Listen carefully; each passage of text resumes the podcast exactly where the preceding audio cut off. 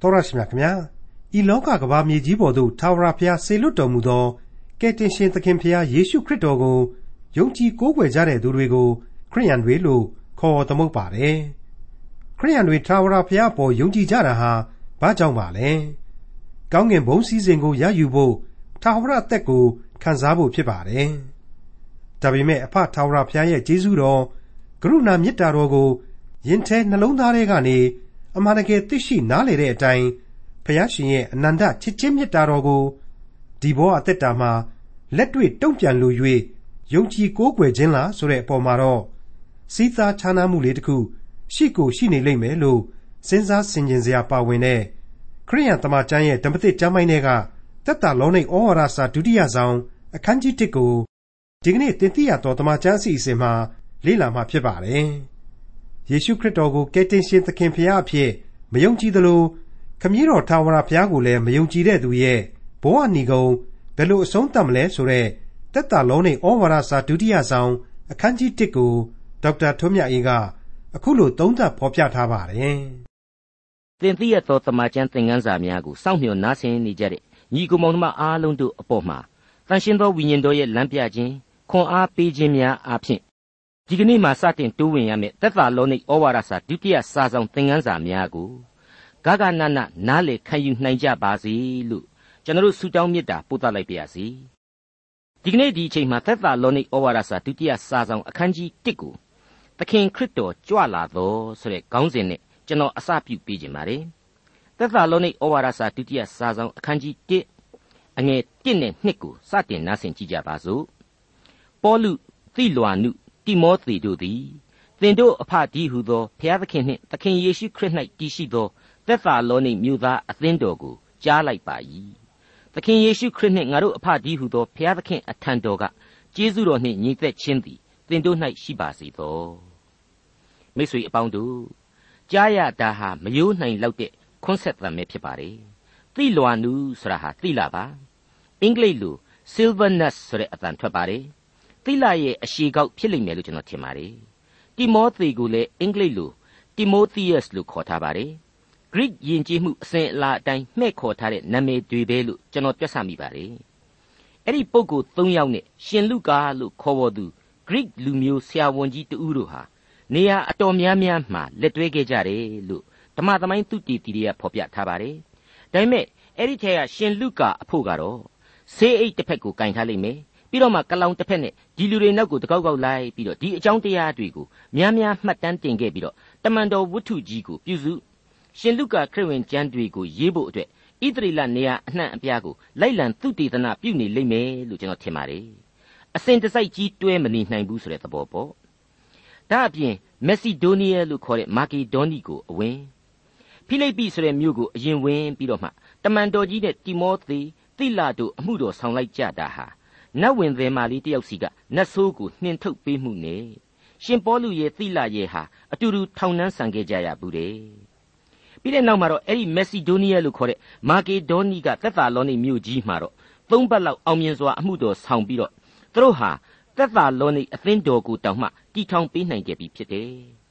တမန်တော်ကြီးရှင်ပေါလုအနေနဲ့ကတော့ဘေရီတို့အေသင်တို့ကိုနှင်ထုတ်ခံရတာဖြစ်တဲ့အတွက်ကြောင့်သီလနဲ့တိမောသေတို့ကြံရစ်ခဲ့ကြတယ်အဲ့ဒီထက်မှာ ရှင်လုကာကတော့ပါဝင်တယ်မပါဝင်ဘူးဆိုတာသိပြီးတော့မသိကြပါဘူးတမန်တော်ဝတ္ထုတေကငါတို့ငါတို့ဆိုတဲ့ဖော်ပြချက်တည်းအရာစာရေးဆရာဆရာဝန်ကြီးလုကာဟာလေမလှမ်းမကန့်မှာတော့ရှိနေခဲ့မှာအမှန်ပဲလို့ကျွန်တော်ထင်ပါတယ်အသေးစိတ်တော့လည်းကျွန်တော်မပြောနိုင်ပါဘူးအခုတမန်တော်ကြီးရှင်ပေါလုရဲ့ခွန်းဆက်တန်တဲ့မှာတန်ရှင်းသောဝိညာဉ်တော်ဆိုတာကိုချန်လှပ်ထားပါတယ်တန်ရှင်းသောဝိညာဉ်တော်အဖြစ်ဒီလူတွေပြောင်းလဲခဲ့ရတာပဲသုံးပတ်အချိန်အတွင်းမှာပြောင်းလဲခြင်းဆိုတာဟာတန်ရှင်းသောဝိညာဉ်တော်ရဲ့အလုပ် လူတွေရဲ့တာမညောင်ညအလုံးမဖြစ်နိုင်ဘူးဒါကြောင့်မလို့ဝိညာဉ်တော်ရဲ့အစွန်းတတ္တိအပေါင်းကိုအကြောင်းကိုအကျယ်ချက်နေစရာအကြောင်းမလိုတော့ဘူးဆိုပြီးတော့မထက်သွင်းတာပဲလို့ကျွန်တော်ပြောချင်ပါတယ်ဒါအခုမှမဟုတ်ပါဘူးသက်သာလောနိဩဝါဒစာပထမစာဆောင်မှာတုန်းကလည်းပဲဒီအတိုင်းပါပဲတချို့တချို့သောပုဂ္ဂိုလ်ကြပြန်တော့လေပုဂ္ဂိုလ်တွေကြပြန်တော့လေသင်ဤအဖဒီဟုသောဘုရားသခင်နှင့်သင်တို့သခင်ဒီဟုသောယေရှုခရစ်၌တည်ရှိသောသက်သာလောနိမြို့သားတို့ဆိုပြီးတော့ဘုရားသခင်နှင့်ယေရှုခရစ်ကိုသာဖော်ပြထားတဲ့အတွက်ကြောင့် ခမည်းတော်နဲ့သားတော်ဟာတဆူတည်းမဟုတ်ဘူးလားဆိုပြီးတော့ဇောရကတက်ကြပါလေခမည်းတော်ရဲ့သားတော်ရေကိုတီးလန့်စီပူးတွဲထားလို့မသင်္ကာဘူးဆိုတဲ့သဘောပေါ့အရှင်းမဟုတ်ပါဘူးသားတော်ဤသီးသန့်ဘုံတော်နှင့်သားတော်ဖရာအဖြစ်တည်နေနိုင်ခြင်းကိုဖော်ပြထားပါတယ်ဟုတ်ပါတယ်မိတ်ဆွေကျွန်တော်ယုံကြည်သူအပေါင်းတို့ဟာဖရာသခင်ကိုကိုးကွယ်တဲ့နေရာမှာအဖခမည်းတော်ဆိုပြီးတော့ကိုးကွယ်နိုင်တယ်သားတော်ဖရာဆိုပြီးတော့ကိုးကွယ်နိုင်တယ် တန်ရှင်းသောဝိညာဉ်တော်ဖရာအဖြစ်လေလောကီလောကုတ်တရားနှစ်ဖြာစလုံးအတွက်စိတ်ချလက်ချကိုးကွယ်နိုင်ပါတယ်တထက်သေးလို့ခံယူလို့ရပါတယ်တဆူဒီဖြစ်တယ်စောင့်ထိန်တော်မူခြင်းမှာအဖဖရာသခင်အဖြစ်ကယ်တင်ရှင်သားတော်အဖြစ်နဲ့လမ်းပြစောင့်ထိန်သူဝိညာဉ်တော်ဖရာအဖြစ်နီလန်အမျိုးစုံနဲ့ကျွန်တော်တို့ကိုကျေးဇူးပြုနေတယ်ဆိုတာကိုကျွန်တော်တို့နှလုံးသားအဖြစ်ထိတွေ့ခံစားနိုင်ပါတယ်အခုချိန်မှာသက်သာလောနိသားယုံကြည်သူတွေစီမှာဝိညာဉ်တော်ဟာဆင်းသက်လျက်ရှိပြီဆိုတာကို တမန်တော်ကြီးနားလည်ထားတယ်။တန်ရှင်းသောဝိညာဉ်တော်ဟာဒီအသင်းတော်နဲ့ယုံကြည်သူတူးချင်းကိုလမ်းပြနေပြီဆိုတာကိုသိတယ်။ဒါကြောင့်မလို့မထက်မသွင်းတော့ဘဲနဲ့သင်တို့အဖဒီဟုသောဖျားသခင်နှင့်သခင်ယေရှုခရစ်၌တည်ရှိသောသက်သာလောနိမြို့သားအသင်းတော်ကိုကြားလိုက်ပါ၏။သခင်ယေရှုခရစ်နှင့်ငါတို့အဖဒီဟုသောဖျားသခင်အထံတော်ကကျေးဇူးတော်နှင့်ညီသက်ခြင်းသည်သင်တို့၌ရှိပါစေသောလို့ပဲပြောလိုက်ခြင်းဖြစ်ပါတယ်။ ဒါကိုကြမ်းကြက်အကိုအကာတစ်ခုနဲ့လေနှိုင်းရှင်သင့်သေးတယ်လို့ကျွန်တော်ထင်ပါတယ်ရှင်ယောဟန်ခရစ်ဝင်ကျမ်းအခန်းကြီး30အငယ်29ကနေ30အတွင်းမှာပြန်ကြည့်မယ်ဆိုရင်အခုလိုတွေ့နိုင်ပါမယ်ငါသိုးတို့သည်ငါစကားသံကိုနားထောင်၍ငါနောက်သို့လိုက်ကြ၏ထိုသိုးတို့ကိုငါသိ၏သာဝရအသက်ကိုလည်းငါပေး၏ထိုသိုးတို့သည်ပျက်စီးခြင်းနှင့်အစင်မပြတ်ကင်းလွတ်ကြလိမ့်မည်အဘယ်သူမျှထိုသိုးတို့ကိုငါလက်မှမနှုတ်မယူရထိုသိုးတို့ကိုငါ၌အပ်ပေးတော်မူသောငါခမည်းတော်သည် ခတ်သိမ်းသောသူတို့တဲ့ကြီးမြတ်တော်မူသည်ဖြစ်၍အဘယ်သူမျှထိုသိုးတို့ကိုငါခမည်းတော်ထံမှငါခမည်းတော်ဤလက်မှမနှုတ်မယူနိုင်ရာငါသည်ငါခမည်းတော်နှင့်တလုံးတဝသည်ဖြစ်သည်ဟုမိန့်တော်မူ၏တဲ့ရှင်းနေတာပါပဲစောင့်ထိန်တော်မူခြင်းဟာဘယ်ဘက်ကမှမလွတ်နိုင်ပါဘူးမလွဲနိုင်ပါဘူးအစဉ်တစိုက်လုံခြုံစေတယ်လက်တော်များဟာကျွန်တော်တို့အပေါ်မှာဖုံးလွှမ်းနေတယ်နှလုံးသားအဝမှာကြတော့တန်ရှင်းသောဝိညာဉ်တော်တဲ့ စောင့်ကြပ်နေပါလေအရေးကြီးလာတာကတော့ကျွန်တော်တို့တူးချင်းရဲ့ဘဝ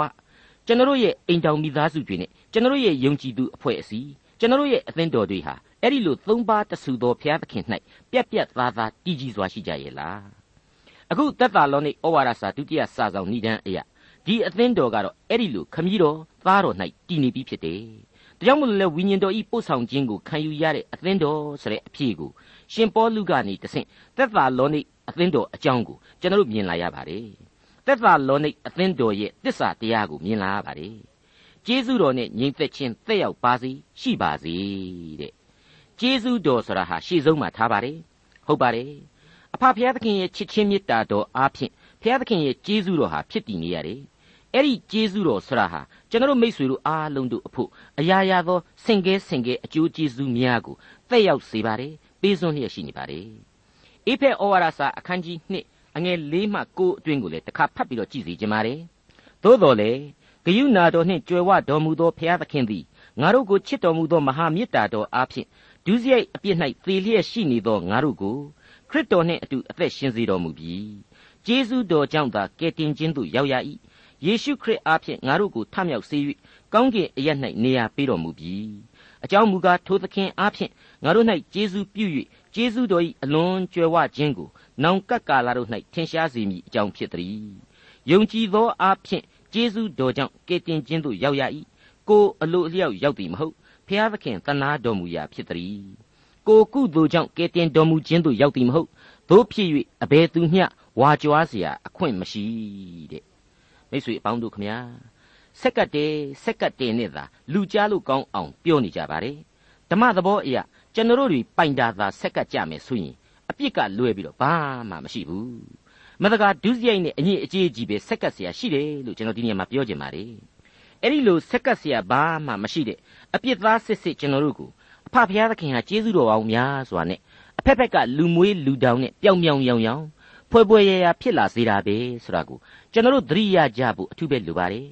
အဲ့ဒီလိုကျေးဇူးနဲ့ဂရုနာတော်ကိုယင်နှင့်အမျှခံယူတတ်ပြီဆိုရင်လေက ယ်တင်ခြင်းဘဝသို့ရောက်ပြီလို့ကျွန်တော်တို့ကိုကျွန်တော်တို့သတ်မှတ်နိုင်ပြီထာဝရအသက်ရှင်ခြင်းအခွင့်အတွက်များစွာစိတ်ချသွားရပြီဆိုတာကိုပါတဏန်တလျားတွေးဆပြီးတော့ကျွန်တော်တို့ဝါကြွားဝမ်းမြောက်နိုင်ပြီနားလေသဘောပေါက်နိုင်ပြီလို့ကျွန်တော်ခံယူပါတယ်အခုသက်သာလောနိတ်ကဖော်ပြတာကတော့ဂျေဇုတော်နောက်ကဆက်ပြီးပါလာတဲ့ညီသက်ခြင်းပဲမိတ်ဆွေအပေါင်းတို့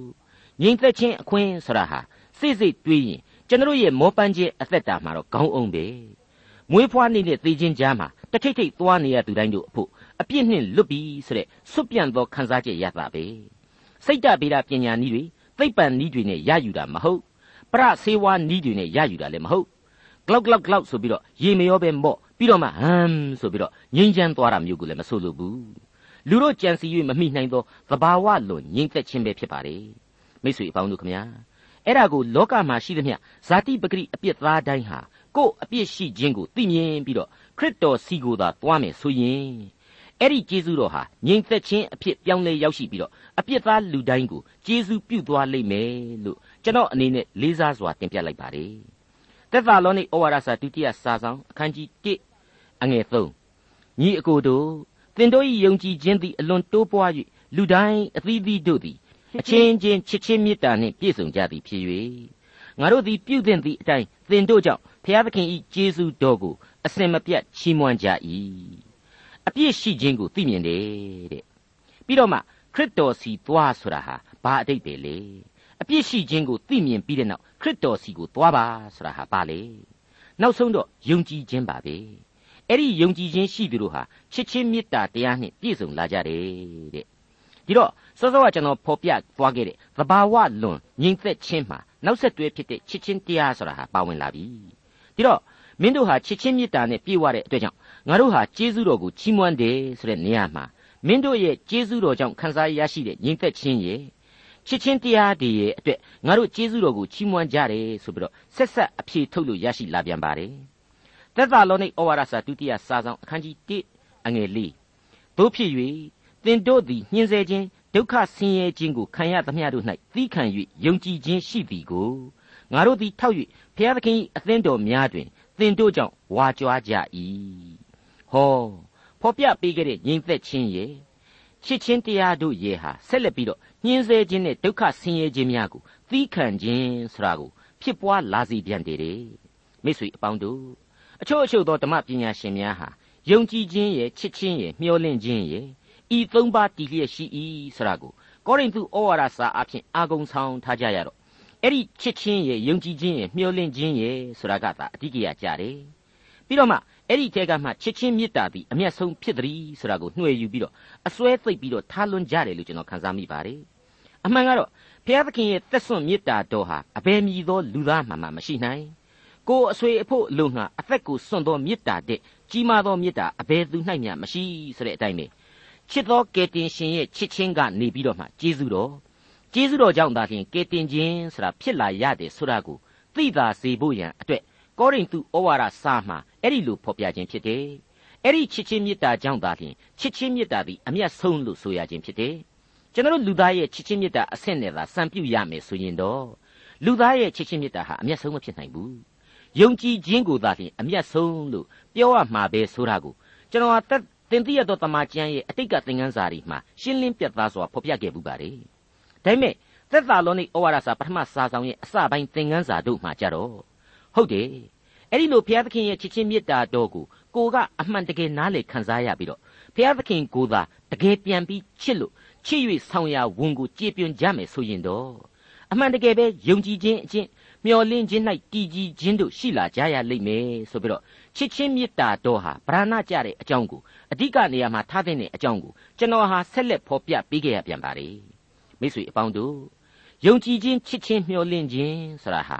ယုံကြည်သူတို့၏ဘုရားသခင်အပေါ်မှာတုံ့ပြန်အပ်သောလုပ်ငန်းသဘောနဲ့ဆက်နွယ်နေတယ်လို့ကျွန်တော်အဖြေထုတ်မိပြီးတော့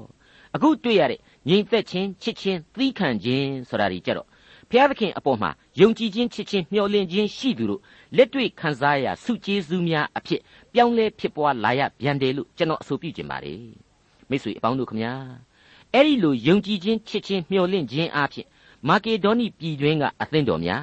ဂရိကိုဆိုလိုခြင်းဖြစ်တဲ့အခါယဒေသတစ်ခုလုံးကအသင်းတော်တွေကြားမှာစံပြုအပ်သောအသင်းတော်အဆင့်ကိုတက်လှမ်းလာတဲ့သက်သာလောနိအသင်းတော်ဟာငြိမ်သက်ခြင်းချစ်ခြင်းသီးခံခြင်းတို့နဲ့ပြည့်ဝခဲ့တယ်။ဒါကြောင့်တမန်တော်ကြီးဟာအငယ်၃အရာ၁ကျေးဇူးတော်ကိုချီးမွမ်းမိတယ်။အငယ်၄အရာ၂ဝါကြွားဝမ်းမြောက်မိတယ်ဆိုတာကိုဆက်လက်ဖော်ပြပေးလိုက်ပါတယ်။သက်သာလောနိဩဝါဒစာဒုတိယစာဆောင်အခန်းကြီး၁အငယ်၅သင်တို့သည် ဘုရားသခင်နိုင်ငံတော်အတွက်ဆင်းရဲခံ၍ထိုနိုင်ငံတော်ကိုဝင်စားတိုက်သည်ဟုမှတ်တော်မူခြင်းကိုခံရစေခြင်းဟာတရားသဖြင့်ဘုရားသခင်စီရင်တော်မူခြင်းအမှုသည်ထိုသို့သောအားဖြင့်ထင်ရှားလျက်ရှိ၏ယုံကြည်သူတို့ရဲ့ဘုရားသခင်ကိုယုံကြည်ခြင်းဟာဘာကြောင့်လဲကောင်းကင်ဘုံစည်းစိမ်ကိုရယူဖို့ထာဝရအသက်ကိုခံစားဖို့ပဲဒါဟာအခြေခံကြတယ်ဆိုတာကိုမငြင်းနိုင်ပါဘူးဒါပေမဲ့မိษွေတို့136ခုမြောက်သောဆာလံအရာ ကျွန်တော်ရဲ့အစ္ဆထအတွင်းသရံဒီကိုကျွန်တော်သိတာတဲ့တောင်မှဘုရားသခင်ဟာပို့ပြီးတော့သိတယ်ဆိုတာကိုကျွန်တော်သိထားကြပြီဖြစ်ပါတယ်။ကောင်းကင်ဘုံစည်းစိမ်နဲ့သာဝရအသက်သာဝရအသက်နဲ့ကောင်းကင်ဘုံစည်းစိမ်ဆိုပြီးတော့ရယူလိုတဲ့အတွက်ကြောင့်သာဘုရားသခင်ကိုယုံကြည်ကိုးကွယ်ကြတာလား။အဖဘုရားသခင်ရဲ့ကျေးဇူးတော်ကိုအမှန်တကယ်ယင်တဲ့နှလုံးသားထဲကသိနာလေ။သူ့ရဲ့အနန္တချစ်ချင်းမေတ္တာတော်ကိုကိုကလက်တွေ့တုံ့ပြန်လို့ကိုးကွယ်ခြင်းလားဆိုတဲ့အပေါ်မှာတော့ စီးသားခြားနာမှုကလေးတစ်ခုဟာရှိကိုရှိနေလေအောင်မယ်လို့ကျွန်တော်ဒီနေရာမှာအလေးအနက်ယုံကြည်မိပါတယ်မှန်ပါတယ်အဲ့ဒီလိုဖြည့်ဆွက်စဉ်းစားလိုက်ခြင်းအပြင်ချစ်ချင်းမေတ္တာတော်သည်အမျက်ဆုံးဖြစ်သည်ဆိုတဲ့ခံယူချက်ဟာပို့ပြီးတော့အသက်ဝင်လာလိမ့်မယ်ဘုရားသခင်ချစ်ချင်းမေတ္တာတော်ကိုသိနာလေခြင်းအပြင်ယုံကြည်ခြင်းဤအကျင့်ကိုကျင့်ခြင်းဆိုတာဟာဖြစ်ပေါ်လာရမယ်အဲ့ဒီခါမှာတော့အဲ့ဒီအကျင့်တရားအရာ ချစ်ချင်းမေတ္တာအပေါ်မှာအခြေခံတဲ့ညွှန်ကြားချက်တူကိုဆက်လက်ပြီးတော့လိုက်နာနိုင်လာလိမ့်မယ်ဆိုတာကိုကျွန်တော်ဆက်လက်ပြီးတော့ခန်းစားထိတွေ့လာရစေပါတယ်။သိမ့်မဝေးကွာလာတဲ့အဲ့ဒီညွှန်ကြားချက်တွေအကြောင်းကိုတော့သက်သာလောနိဩဝါဒစာပထမစာဆောင်ရဲ့ဏိဂုံးပိုင်းမှာအခုလိုကျွန်တော်လုပ်ငန်းလမ်းညွှန်များအဖြစ်တမန်တော်ကြီးရှင်ပေါလုကရေးသားဖော်ပြခဲ့ပြီးပါပြီ။ကျွန်တော်လည်းအသေးစိတ်လေ့လာခဲ့ကြပြီးပါပြီ။သက်သာလောနိဩဝါဒစာပထမစာဆောင်အခန်းကြီး9အငယ်7နဲ့22ရဲ့အတွင်းမှာပါ။ ငါတို့အဖို့အသေးခံတော်မူပြီးထို့ကြောင့်ငါတို့သည်ယခုပင်ပြုသည်နိတုအချင်းချင်းတိုက်တွန်း၍တယောက်ကိုတယောက်တိဆောက်ကြလော့ထိုမှတပါညီအကိုတို့သင်တို့တွင်အမှုတော်ကိုဆောင်ရွက်ခြင်းသခင်ဖျားအခွင့်နှင့်အုပ်ဆိုးခြင်းသတိပေးခြင်းအမှုကိုပြုသောသူတို့ကိုသိမှတ်၍သူတို့ပြုသောအမှုကြောင့်မေတ္တာစိတ်နှင့်အလွန်ချစ်ခင်လေးမြတ်မည်အကြောင်းငါတို့သည်တောင်းပန်ကြ၏အချင်းချင်းအသင့်အတင့်နေကြလော့တဖန်တုံကြီးအကိုတို့မတရားစွာပြုသောသူတို့ကိုသတိပေးကြလော့ စိတ်ငယ်သောသူတို့ကိုအားပေးကြလော့အားနည်းသောသူတို့ကိုထောက်မှကြလော့ခတ်သိမ်းသောသူတို့အားရှည်သောစိတ်ရှိစေကြလော့သူတို့ဘာ၌အဘယ်သူမျှရန်တုံမမှုစေခြင်းဟာတရိပြု၍အချင်းချင်းတို့၌၎င်းခတ်သိမ်းသောသူတို့၌၎င်းကာလအစဉ်ကြိုးစား၍ကျေးဇူးပြုကြလော့အစဉ်မပြတ်ဝမ်းမြောက်ခြင်းရှိကြလော့မချားမလတ်ဆုတောင်းပတနာပြုကြလော့အရာရာ၌ကျေးဇူးတော်ကိုချီးမွမ်းကြလော့အကြောင်းမူကားသင်တို့သည်ထိုသို့ကျင့်စေခြင်းဟာယေရှုခရစ်၌ဘုရားသခင်အလိုတော်ရှိ၏ ဝိညာဉ်တော်၏အရှိန်ကိုမငြိမ့်စေကြနှင့်ပရောဖက်ပြုခြင်းကိုမထီမဲ့မြင်မှတ်ကြနှင့်ခတ်သိမ်းသောအရာကိုစုံစမ်း၍ကောင်းသောအရာကိုအမြဲကင်ဆွဲကြလော့မကောင်းသောအမှုအမျိုးမျိုးရှိသမျှတို့ကိုရှောင်ကြလော့တဲ့မိတ်ဆွေတော်တတ်ရှင်အပေါင်းတို့ခမညာဖျားသခင်ရဲ့ကျေးဇူးနဲ့ဂရုနာတော်ဟာချစ်ချင်းမေတ္တာတရားကြောင့်ဖြစ်ပေါ်လာတယ်ဒါကြောင့်မလို့ကျေးဇူးတော်ကိုအဲ့ဒီလိုအကျင့်ကောင်းတွေနဲ့ငါတို့ပြန်လဲပေးဆက်ကြရမယ်ဆိုတဲ့အသည့်တရားဟာ စုလိုခြင်းလို့ကြိတ်မှိတ်ပြီးလိုက်လျှောက်ရတဲ့ဟန်ဆောင်သဘောတရားမျိုးနဲ့အရှင်းမတူဘူးဖော်ပြခဲ့တဲ့ချစ်ချင်းမေတ္တာတုံ့ပြန်မှုဆိုင်ရာအကျင့်များဤတိများညွှန်ကြားချက်များကိုလိုက်လျှောက်နိုင်ဖို့ခွန်အားကိုဖြည့်ဆည်းပေးမှသာဖြစ်ပါလေအဲ့ဒါဟာမှန်ကန်သောချစ်ချင်းမေတ္တာကိုနားလေတဲ့သဘောပဲအဲ့ဒီအခါမှာတော့တရားသဖြင့်ဘုရားသခင်ရဲ့စီရင်တော်မူခြင်းအမှုဟာဘယ်လိုရှိတယ်ဆိုတာကိုအခုလိုဆက်လက်ပြီးတွေ့နိုင်လာပါတယ်သက်သာလောနိဩဝါဒစာဒုတိယစာဆောင်အခန်းကြီး1 အငယ်6မှ8အဘယ်သို့နည်းဟုမူကားသခင်ယေရှုသည်တကိုးရှိသောကောင်းကင်တမန်တို့နှင့်အတူကောင်းကင်ဘုံကပေါ်ထင်ပေါ်ထွန်းတော်မူ၍ဘုရားသခင်ကိုမသိသောသူငါတို့သခင်ယေရှုခရစ်၏ဧဝံဂေလိတရားကိုနားမထောင်သောသူတို့ကိုမိလျံအားဖြင့်ဒဏ်ပေးတော်မူသောအခါသင်တို့ကိုဆင်းရဲစေဘူးသောသူတို့၌ဆင်းရဲခြင်းကို၎င်းဆင်းရဲခံရဘူးသောသင်တို့၌ငါတို့နှင့်အတူချမ်းသာခြင်းကို၎င်းဘုရားသခင်ဆက်ပေး၍တရားသဖြင့်စီရင်တော်မူလိမ့်မည် ရုတ်တရက်ဆိုရင်တော့နော်ဒီကြမ်းပိုင်းအဖြစ်မသင်္ကာစရာအမြင်မျိုးတွေနှစ်မျိုးပေါ်ထွန်းနိုင်တယ်လို့ကျွန်တော်တွက်ဆပါတယ်။တိတမန်တော်ကြီးဟာတက်တာလောနဲ့ယုံကြည်သူတွေကိုတက်တာလောနဲ့ယုံကြည်သူတွေကိုအားပေးခြင်းလွန်အားကြီးလို့ယုံကြည်ခြင်းကိုအကြောက်တရားနဲ့လှန့်ပြီးတော့ဖြစ်စေခြင်းလို့မယုံကြည်သူတွေကိုချိုးချိုးဖက်ဖက်နှိမ်ပြီးတော့အခုလိုပြောရသလား။နှစ်အဖဖျားသခင်ကိုရန်ညှိုးနှင့်ဂလဲစားခြေတတ်သောဖျားသခင်အဖြစ်ဆိုလိုခြင်းလားအဲ့ဒီလိုအမြင်မျိုးတွေ ရင်ထဲမှာပေါ်ထွက်စေလိမ့်မယ်လို့ကျွန်တော်တွေးမိပါတယ်မိတ်ဆွေအပေါင်းတို့ခမညာဒီကျမ်းပိုက်ဟာသေသေးချာစဉ်းစားလိုက်ရင်ဘာဟန်ဆောင်မှုမှမပါဝင်အလွန်ရိုးသားတဲ့ဖော်ကျူးချက်ပဲဖြစ်တယ်ဆိုတာကိုတွေ့ရပါတယ်ပထမပိုင်းအဖြစ်ခရစ်တော်ကြွလာခြင်းကိုဖော်ပြရမှာကောင်းကင်တမန်တို့နှင့်အတူကြွလာခြင်းဖြစ်ပြီးတော့တတရားစီရင်တော်မူခြင်းရှိလိမ့်မည်ဆိုတာကိုပြက်ပြက်သားသားဖော်ပြထားပါတယ်ဘုရားသခင်ကိုမသိသောသူနှင့် ဧဝံဂေလိတရားကိုနားမထောင်သောသူတို့ကိုမိလျံအားဖြင့်ဒဏ်ပေးတော်မူမည်ဆိုတာကိုတပါးတည်းဆက်ပြီးတော့ဖော်ပြထားပါတယ်ဒါဟာအထူးရှင်းလင်းရမယ့်အပိုင်းဖြစ်ပါတယ်လူဟာသုံးပါးဖြစ်တဲ့ကိုယ်ခန္ဓာစိတ်နဲ့ဝိညာဉ်ပေါင်းစုထားသောတတ္တဝါဖြစ်တယ်ဆိုတာကိုကျွန်တော်တို့ဟာသက်သာလုံးနဲ့ဩဝါဒစာရဲ့ပထမစာဆောင်ဏိဂုံးပိုင်းအခန်းကြီး9ရဲ့အငယ်23 24တို့မှာရှင်းရှင်းကြီးတွေ့ခဲ့ကြပြီဖြစ်ပါတယ်ကျွန်တော်ကလည်းရှင်းပြခဲ့ပါပြီဒါဟာတကယ်တော့ကိုယ်စိတ်နှလုံးသုံးပါးဆိုပြီးတော့လေပြောနေတဲ့အရာပါပဲ အဲ့ဒီသုံးပါးကိုငါတော့သုံးပါးလို့မထင်ပါဘူးကွာခန္ဓာနဲ့ဝိညာဉ်ပဲလို့နှစ်ပါးပဲလက်ခံမယ်ဆိုရင်လည်းရပါတယ်ဇာတိပဂရိနဲ့ဝိညာဉ်ပဂရိပေါင်းစပ်ထားတဲ့လူဘဝဆိုရင်ဒါဟာအတော်ကြီးလုံလောက်နေပါပြီဘုရားသခင်ကိုယုံကြည်နိုင်ဖို့အခြေခံတစ်ခုအခြေခံအချက်တစ်ခုပြည့်စုံသွားပြီလို့ဆိုရမှာပါကောင်းပြီလောကကြီးမှာလူတိုင်းလူတိုင်းဟာအုံနှောက်တင်ပြကြက်ပြဖြစ်လာပြီဆိုရင်အဲ့ဒီယုတ်တရခန္ဓာရဲ့ဝိညာဏခန္ဓာရဲ့နှစ်ခုစလုံးအတွက် အာဟာရဆိုတာလိုအပ်မှန်သိလာကြတာကြီးပါပဲဘုရားသခင်ကိုသိဖို့သာရှိနေပြီပဲဆိုတာပေါ်လွင်လာပါပြီရှင်းပါတယ်နော်မသိသားဆိုးရွားလောက်အောင်အခြေအနေမပေးတဲ့လူဘဝအစိတ်အပိုင်းကိုကျွန်တော်ထည့်ပြီးတော့မပြောလိုပါဘူးလူပိသားစွာယက်တီနိုင်သောလူအတိုင်းအဝိုင်းအဆင့်အတန်းကိုသာကျွန်တော်ရည်ညွှန်းပါတယ်သာမန်လူဆိုတဲ့အဆင့်ရှိသောလူသားတိုင်းဟာဒီအတိုင်းနားလေသဘောပေါက်နိုင်လိမ့်မယ်လို့ကျွန်တော်ရည်စူးဖော်ပြလိုပါတယ်အဲ့ဒီသာမန်အဆင့်ရှိတဲ့လူတွေ လူအဆင့်မီတဲ့လူတွေအကုန်လုံးအကုန်လုံးတို့ဟာဘုရားသခင်ကိုသိကြပါရဲ့လားသိသင့်တယ်ဆိုတာဟာပေါ်လွင်လာပါတယ်သိသင့်လျက်နဲ့မသိခြင်းဟာအပြစ်ရှိနေပြီဆိုတာဟာလည်းပေါ်လွင်လာပါပြီဧဝံဂေလိတရားကိုနားမထောင်တော့သူတဲ့သိရှင်းပါလေဘုရားသခင်ကိုသိတယ်ဆိုရင်ဘုရားသခင်ရဲ့ကယ်တင်ခြင်းကျေးဇူးကိုသိသင့်တယ်ခံယူသင့်တယ်ဆိုတာဟာစက်တိုက်ပေါ်လွင်လာပါတယ် ဒါကိုမခံယူနိုင်ဘူးဆိုရင်လေအပြစ်တပါးရှိနေပြီဆိုတာကိုနားလေသဘောပေါက်နိုင်လာပါတယ်အဲ့ဒီအချက်တွေကိုအကုန်လုံးတပေါင်းတစည်းတဲ့အဖြေထုတ်လိုက်မယ်စဉ်းစားလိုက်မယ်ဆိုရင်တော့ဘုရားသခင်ကိုသိဘုရားသခင်ရဲ့ကယ်တင်ခြင်းကျေးဇူးတော်ကိုခံယူဒီအချက်ဟာရှင်းလင်းပြတ်သားစွာပေါ်လွင်လာပါတယ်အဲ့ဒီလိုဘုရားသခင်ကိုမသိခရစ်တော်အဖင်ခြားထားပေးတဲ့ကယ်တင်ခြင်းကျေးဇူးတရားကိုလက်မခံနိုင်ဘူးဆိုရင်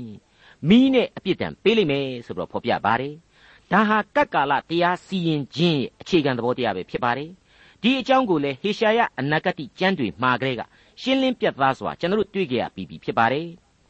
ဟေရှာယအနာဂတိကျမ်းအခန်းကြီး2အငယ်30 17နဲ့ဟေရှာယအနာဂတိကျမ်းအခန်းကြီး66အငယ်15 16တို့တွေဟာဒါတွေကိုရှင်းနေအောင်ဗျာဒိတ်ပြုခဲ့ပြီးသားအရာတွေဖြစ်ပါတယ်အခုသက်သာလောနိတ်အသင်းတော်ဩဝါဒစာကဖော်ပြလိုက်တာကတော့သက်သာလောနိတ်ဩဝါဒစာဒုတိယစာဆောင်ကဖော်ပြလိုက်တာကတော့ သင်တို့ကိုဆင်းရဲစေဘူးသူများကိုဆင်းရဲခံစေလိမ့်မည်ဆင်းရဲခံရဘူးသောသင်တို့ကိုငါတို့နှင့်အတူချမ်းသာစေလိမ့်မည်တဲ့အထက်ပိုင်းမှာကလေးကသက်သာလောနိတ်ယုံကြည်သူတွေဟာဘလောက်အထိအကျဉ်းအကျက်တွေဒုက္ခဆင်းရဲခြင်းတွေကိုခါးစီးပြီးတော့ခံခဲ့ရတယ်ဆိုတာကိုစဉ်းစားနိုင်ဖို့ရန်အတွက်ကျွန်တော်ဟာအကြိမ်ကြိမ်ဖော်ပြပေးခဲ့ပြီးဖြစ်ပါတယ်သက်သာလောနိဩဝါဒစာပထမစာဆောင်ရဲ့သင်ခန်းစာတွေမှာတည်းရလေဒါတွေဟာရှင်းလင်းပြတ်သားစွာကျွန်တော်တို့တွေ့ကြရပြီးပါပြီ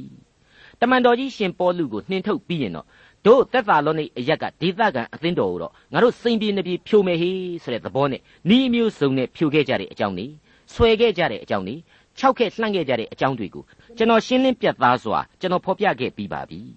အဲ့ဒီဒုက္ခဆင်းရဲခြင်းတွေကိုသက်သာလောနိယုံကြည်သူအပေါင်းတို့ဟာလေချစ်ချင်းတရားနဲ့သီးခံခြင်းတရားတို့နဲ့ခံယူခဲ့ကြတယ်ဆိုတာကိုလေအထက်ပိုင်းမှာကျွန်တော်တို့တွေ့ကြရပြီးပြီ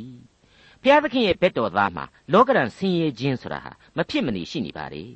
အဲ့ဒီအထက်မှာကိုယ်ဇာတိပဂရိယခံစားရတဲ့လောကရန်ဆိုတာရှိနိုင်တယ်လို့ဘုရားသခင်ကိုယုံကြည်ခြင်းအပြင်ခံစားရစုံစမ်းနှောက်ယှက်ခြင်းဆိုတာဟာလေရှိနိုင်ပါလေအလွန်နဲ့နဲသောအမှုဖြစ်တယ်လို့ကျွန်တော်ဆိုချင်ပါတယ်ဒီတော့အဲ့ဒီလိုခံစားရဒုက္ခဆင်းရဲခြင်းတွေရဲ့အရင်အမြင့်များကိုစဉ်းစားဖို့တဲ့ဒီဆင်းရဲခြင်းတွေကိုဖော်ပြခဲ့တဲ့ဒီဆင်းရဲဒုက္ခတွေကိုဖော်ပြခဲ့တဲ့ချစ်ချင်း သီးခံခြင်းတို့နဲ့အမြဲရင်ဆိုင်ဖို့အချက်ဟာပို့ပြီးတော့အဓိကကြလာတယ်လို့ကျွန်တော်ဆိုချင်ပါတယ်အဲ့ဒီအချက်တွေဟာကျေးဇူးတော်ကြောင့်ယုံကြည်သူတို့ကျင့်အပ်သောညွှန်ကြားချက်တို့ရဲ့အလေပဟုမှာပါဝင်ခဲ့ပြီးပါပြီပြန်ပြီးတော့ကြည်ပါသက်သာလောနိဩဝါဒစာပထမစာဆောင်အခန်းကြီး9အငယ်14ရက်နေ18အတွင်းမှာရှင်းရှင်းကြီးတွေ့ကြရပြီးပါပြီတဖန်တုံကြီးအကိုတို့မတရားစွာပြုသောသူတို့ကိုသတိပေးကြလော့စိတ်ငယ်သောသူတို့ကိုအားပေးကြလော့အားနည်းသောသူတို့ကိုထောက်မှကြလော့ ခတ်သိမ်းသောသူတို့အားရှည်သောစိတ်ရှိစေကြလော့သူတစ်ပါး၌အဘယ်သူမျှရန်တုံမမှုစေခြင်းဟာသတိပြု၍အချင်းချင်းတို့၌၎င်းခတ်သိမ်းသောသူတို့၌၎င်းကာလအစဉ်ကြိုးစား၍ကျေးဇူးပြုကြလော့အစင်မပြတ်ဝမ်းမြောက်ခြင်းရှိကြလော့မချားမလတ်ဆုတောင်းပတနာပြုကြလော့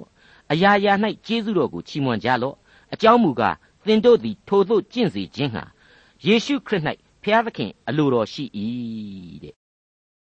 သက်သာလောနိဩဝါဒစာဒုတိယစာဆောင်အခန်းကြီး1အငယ်9နဲ့10ကိုဆက်လက်တင်ပြပါရစေထိုသခင်သည်မိမိတန်ရှင်းသူတို့အားဖြင့်ဂုံအသရေတော်ထင်ရှားခြင်းကို၎င်းငါတို့သက်သေးကိုသင်တို့သည်ယုံကြည်သည်ဖြစ်၍ယုံကြည်သောသူအပေါင်းတို့အားဖြင့်အံ့ဩချီးမွမ်းခြင်းကို၎င်းခံအံ့သောငါကြွလာတော်မူသောနေ့ရ၌ထိုသူတို့သည်သခင်ဖျား၏မျက်နှာတော်နှင့်၎င်းတကိုးရှိသောဘုံတော်နှင့်၎င်းကြွာ၍သာဝရပျက်စီးခြင်းဒီဟုသောအပြစ်ဒဏ်ကို ခံရကြလတံဒုတိယအကြိမ်ကြွလာပြီးတရားစီရင်ခြင်းဟာဘုံတကိုးအာနုဘော်တော်နဲ့ကဘာကိုလွှမ်းခြုံမဲ့နေ့ပဲထူးဆန်းနေတာကတော့ထိုသူတို့ဆိုတဲ့ပထမစာဆောင်မှာတွေ့ကြရတဲ့မှောင်မိုက်ရဲ့သားတွေအပြစ်မှောင်မိုက်မှာငိုင်ကြီးအိပ်ပျော်နေတဲ့လူတွေအကြောင်းကိုဖော်ပြထားတဲ့အချက်ပါပဲသက်သာလုံးនៃဩဝါဒစာဒုတိယစာဆောင်အခန်းကြီး1အငယ်7နဲ့7ထို့ကြောင့်ငါတို့ဘုရားသခင်နှင့်အရှင်ယေရှုခရစ်ကျေးဇူးတော်အတိုင်း ထိုသခင်၏နာမတော်ကိုသင်တို့အားဘုံထင်ရှားစေခြင်းဟာ၎င်းသင်တို့ကိုလည်းထိုသခင်အားဖြင့်ဘုံထင်ရှားစေခြင်းဟာ၎င်းသင်တို့သည်ခေါ်တော်မူခြင်းကျေးဇူးကိုခံတိုက်ကြသည်ဟုမှတ်တော်မူ၍ကောင်းမြတ်တော်မူခြင်းစေတနာအပေါင်းနှင့်သင်တို့၏ယုံကြည်ခြင်းအမှုကိုတကိုးနှင့်ပြည့်စုံစေတော်မူမည်အကြောင်းငါတို့သည်သင်တို့အဖို့အစဉ်ဆုတောင်းပတနာပြုကြ၏အလွန်ခက်ခဲနက်နဲလှတဲ့အပိုင်းဖြစ်ပါတယ် ဒါပေမဲ့အလွန်ကြွယ်ဝပြည့်စုံသောသဘောတရားများကိုစီလုံးညီညွတ်စွာဖော်ပြပေးနေတယ်လို့ကျွန်တော်ခံယူပါတယ်မေတ္တာတော်အားဖြင့်ကျေးဇူးတော်ဟာကောင်းမြတ်တော်မူခြင်းစေတနာအပေါင်းနဲ့သင်တို့ယုံကြည်ခြင်းအမှုကိုတကိုးနှင့်ပြည့်စုံပါစေလို့ဆုတောင်းပေးလိုက်တာပါပဲအဲ့ဒီအထက်မှာတော့ယုံကြည်ခြင်းချစ်ခြင်းမျှော်လင့်ခြင်းဆိုတဲ့ကျွန်တော်တို့တုံ့ပြန်အပ်သောဝတ္တရားများနဲ့အတူငြိမ်သက်ခြင်းချစ်ခြင်းသီးခံခြင်းဆိုတဲ့ခံစားရစုကျေးဇူးများဟာ ပါဝင်ပြီးလာတဲ့အကြောင်းအထူးတင်ပြနေဖို့လိုတော့မယ်မဟုတ်ပါဘူးဒေါက်တာထွန်းမြတ်ရေးစီစဉ်တင်ဆက်တဲ့တင်ပြရတော်တမချန်းအစီအစဉ်ဖြစ်ပါတယ်နောက်တစ်ချိန်အစီအစဉ်မှာခရိယန်တမချန်းရဲ့ဓမ္မသစ်ကျမ်းပိုင်းတွေကတက်တာလုံးနေဩဝါဒစာဒုတိယဆောင်အခန်းကြီး2အခန်းငယ်1ကနေအခန်းငယ်9အထိကိုလေ့လာမှာဖြစ်တဲ့အတွက်စောင့်မျှော်နားဆင်နိုင်ပါတယ်။